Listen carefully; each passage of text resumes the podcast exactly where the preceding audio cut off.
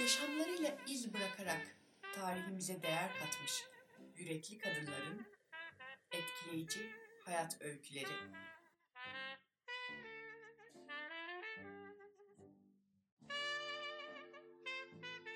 Efsane kadınların portresi başlıyor.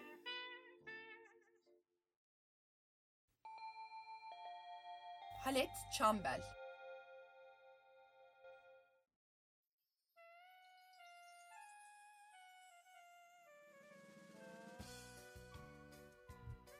27 Ağustos 1916 günü askeri ateşi olan babası Hasan Cemil Bey'in görev yeri olan Berlin'de dünyaya geldi Halet.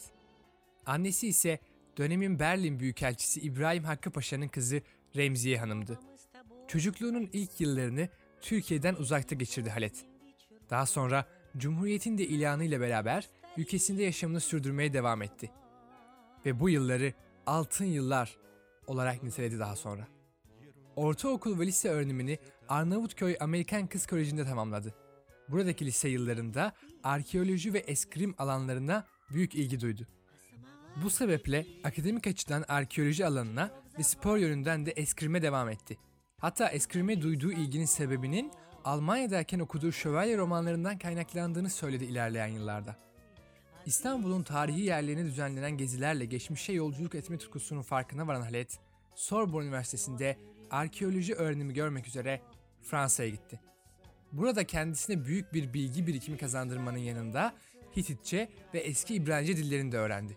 Aynı yıllarda eskrime olan ilgisini de peşinden gitmeyi sürdüren Halet Çambel, Suat Fethgeri Aşeni ile beraber 1936 yılında Berlin'de düzenlenen olimpiyatlara eskrim dalında katılarak tarihe geçti. Çünkü bu iki sporcumuz Türk kadınının olimpiyatlarda olmasını isteyen Mustafa Kemal Atatürk'ün açtığı yolda ilerlemişlerdi ve olimpiyatlara katılan ilk Türk kadın sporcular olmuştu. Doğduğu şehir Berlin'de katıldığı olimpiyatlarda Hitler'le tanışma ihtimaline dair gerçekleşen durumu ise şu şekilde dile getirdi Halit Çember. O sırada Fransa'daydım ve Türkiye'ye dönmem gerekiyordu. Ama Berlin'deki olimpiyatlara katılmak için Budapeşte'ye gelmem söylendi. Bir Alman yüzücü kız bizim grubumuzun yardımcısıydı. Sizi Hitler'le tanıştırabilirim dedi. Ancak biz bunu kabul etmedik. Daha sonra lisans öğrenimini tamamlayıp Sorbonne'da doktor çalışmalarına başlasa da 2. Dünya Savaşı'nın patlak vermesi nedeniyle Fransa'dan ayrıldı ve Fransız Arkeoloji Enstitüsü'nün Afyon Yazılıkaya Midas bölgesindeki kazısına katıldı Halet Çember. Kazı Başkanı Doktor Emily Haspels ile İstanbul Arkeoloji Müzesi'nde çalışmalarını sürdürmeye devam etti ve bu sırada önemli şair, gazeteci ve mimar Nail Çakıran ile evlendi. Aynı yıl İstanbul Üniversitesi'ndeki görevine ve doktor çalışmalarına başladı ve İstanbul Üniversitesi'nde görev yapan Profesör Doktor Theodor Bossert'ten gelen asistan teklifini kabul etti. Doktorasını 1944 yılında tamamlayarak Profesör Doktor Bossert'in öncülük ettiği birçok araştırma gezisine katıldı. Özellikle Karatepe kazısı arkeoloji tarihimizin önemli olaylarından biri haline geldi. Öyle ki Halet Çembel bu bölgenin Türkiye'nin ilk açık hava müzesi olmasını sağlamıştı. Karatepe'de Hitit hieroglifleriyle Fenike yazısının bir arada kullanıldığını görmeleri sonucu Fenike yazısını tercüme ettiler ve bu keşif de Hitit hierogliflerinin çözülmesinin yolunu açtı. Ruhisu, Freya Koral, Pertev Naili Boratav, Semiha Berksoy, Mina Urgan, Aşık Veysel ve Yaşar Kemal gibi dönemin önemli aydınlarının Karatepe'ye gelmesini sağlayarak büyük ses getiren Halet Çembel, günler geçtikçe oradaki yöre halkının Halet ablası olmuştu artık. Ancak tüm bu başarıya ulaşmak elbette kolay olmamıştı. İşte Halet Çembel o dönem yaşadıklarını şöyle ifade etti. Burası Torosların güney eteklerinde, Çukurova'nın kuzeybatı köşesinde, dağlık, tepelik bir arazi içerisinde. Akyol adında tarihi bir kervan yolu üzerinde bulunuyor. Burası daha önceleri hiç bilinmiyordu. Biz Profesör Bossert'le Toroslara Hitit dönemine ait çalışmalar için gelmiştik. Bir gece Feke civarında tipiye tutulduk ve bir köyde kaldık. Köydeki çobanlar Kadirli'de, Karatepe'de bir aslan başı gördüklerini söyleyince tipiden sonra buraya geldik ve burada gördük ki bütün yamaç aşağı doğru tarihi eserlerle doluydu. Yıllarca bunları topladık ve bir araya getirdik. Ayrıca Karatepe'deki çalışmalarda arkeolojik yerinde koruma modelini gerçekleştirdi Halet Çembel. Bu modeli uygulamasının gerekliliğini ise şöyle anlattı. 1950'lerin başlarında Hükümet Karatepe'deki eserleri yerinden kaldırıp bir müzeye taşımak istediği zaman buna karşı çıktım. İki tonluk bir heykelin yol olmayan bir yerde nakli nasıl yapılsın? İşte bu yüzden yerinde koruma modelinin önemini yetkilileri anlatmaya başlayarak uygulamaya geçtim. 1960 yılında profesörlüğe yükselse de 147'ler arasında yer alması nedeniyle bir süre akademik yaşamdan uzaklaştı Alex Çembel. Bu yüzden Almanya'daki Saarbrücken Üniversitesi'nde konuk öğretim üyesi olarak çalıştı. Daha sonra İstanbul Üniversitesi'ndeki görevine geri döndüğünde ise Prehistorya Kürsüsü'nü kurdu.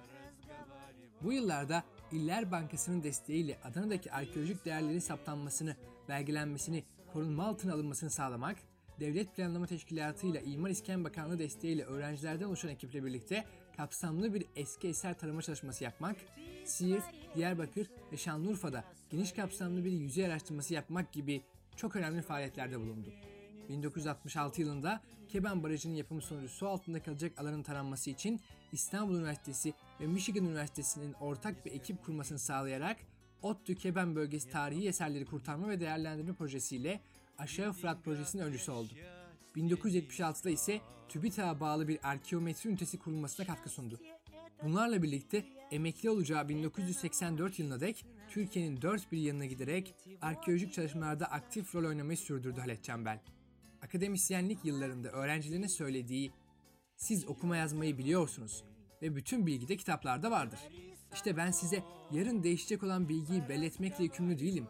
Ben size bu bilgiyi nasıl öğreneceğinizi ve nasıl kullanacağınızı öğretirim. Sözüyle akıllara kazındı ve sözde değil, eylemde var olmanın gerekliliğini ifade etmiş oldu.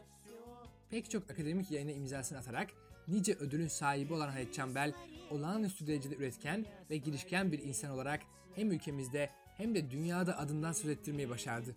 Söz gelimi 2005 yılında kültürel mirasla bu mirasın sahipleri arasındaki etkileşim olanaklarını artırma konusunda sağladığı katkılarından dolayı Hollanda Devleti'nin verdiği Prens Claus ödülüne ve 2010 yılında da Türkiye Cumhuriyeti Kültür ve Turizm Bakanlığı'nın Kültür ve Sanat Büyük Ödülüne layık görüldü.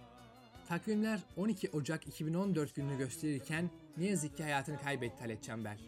Bilimin iş değil görev olduğunu söyleyip bilimsel faaliyetin de topluma bir borç olduğunu vurgulayan değerli şahsiyet Halet Çembel, eşi Nail Çakırhan ile uzun yıllar boyunca yaşadıkları yalıyı Boğaziçi Üniversitesi'ne bağışlayarak buranın Halet Çembel ve Nail Çakırhan Arkeoloji ve Geleneksel Mimarlık Araştırmaları Merkezi adıyla Boğaziçi Üniversitesi bünyesinde araştırmacılara hizmet vermesini sağlamıştı ölmeden birkaç yıl önce. Halet Çembel hakkında kitap yazıp belgesel çeken Melih Güneş onun için şunları söyledi. Disipliniyle, aklının aydınlığıyla, titizliğiyle, özeniyle ve tevazusuyla herkesi şaşırtırdı. Müthiş bir kadındı demek bile onu anlatmaya yetmez. Yaşar Kemal ise onu şu cümleyle tanımlamıştı. Halet Çambel'i anlatmak zor, onu derinlemesine anlamaksa zaman ister. Unutulmayacak bir yaşam sürerek her eylemiyle örnek olmayı başaran ve başarının sırrını da sadece çok çalışmak olarak niteleyen değerli bir insandı o. Mutluluk kişisel çıkar peşinde yakalanmaz. Asıl mutluluğa topluma yararlı olarak ulaşılır diyerek adeta yaşamını özetlemişti. Ve nedenli eşsiz bir karakter olduğunu da herkese gösterdi. Efsane kadın Halet Çambel'i saygıyla anıyoruz.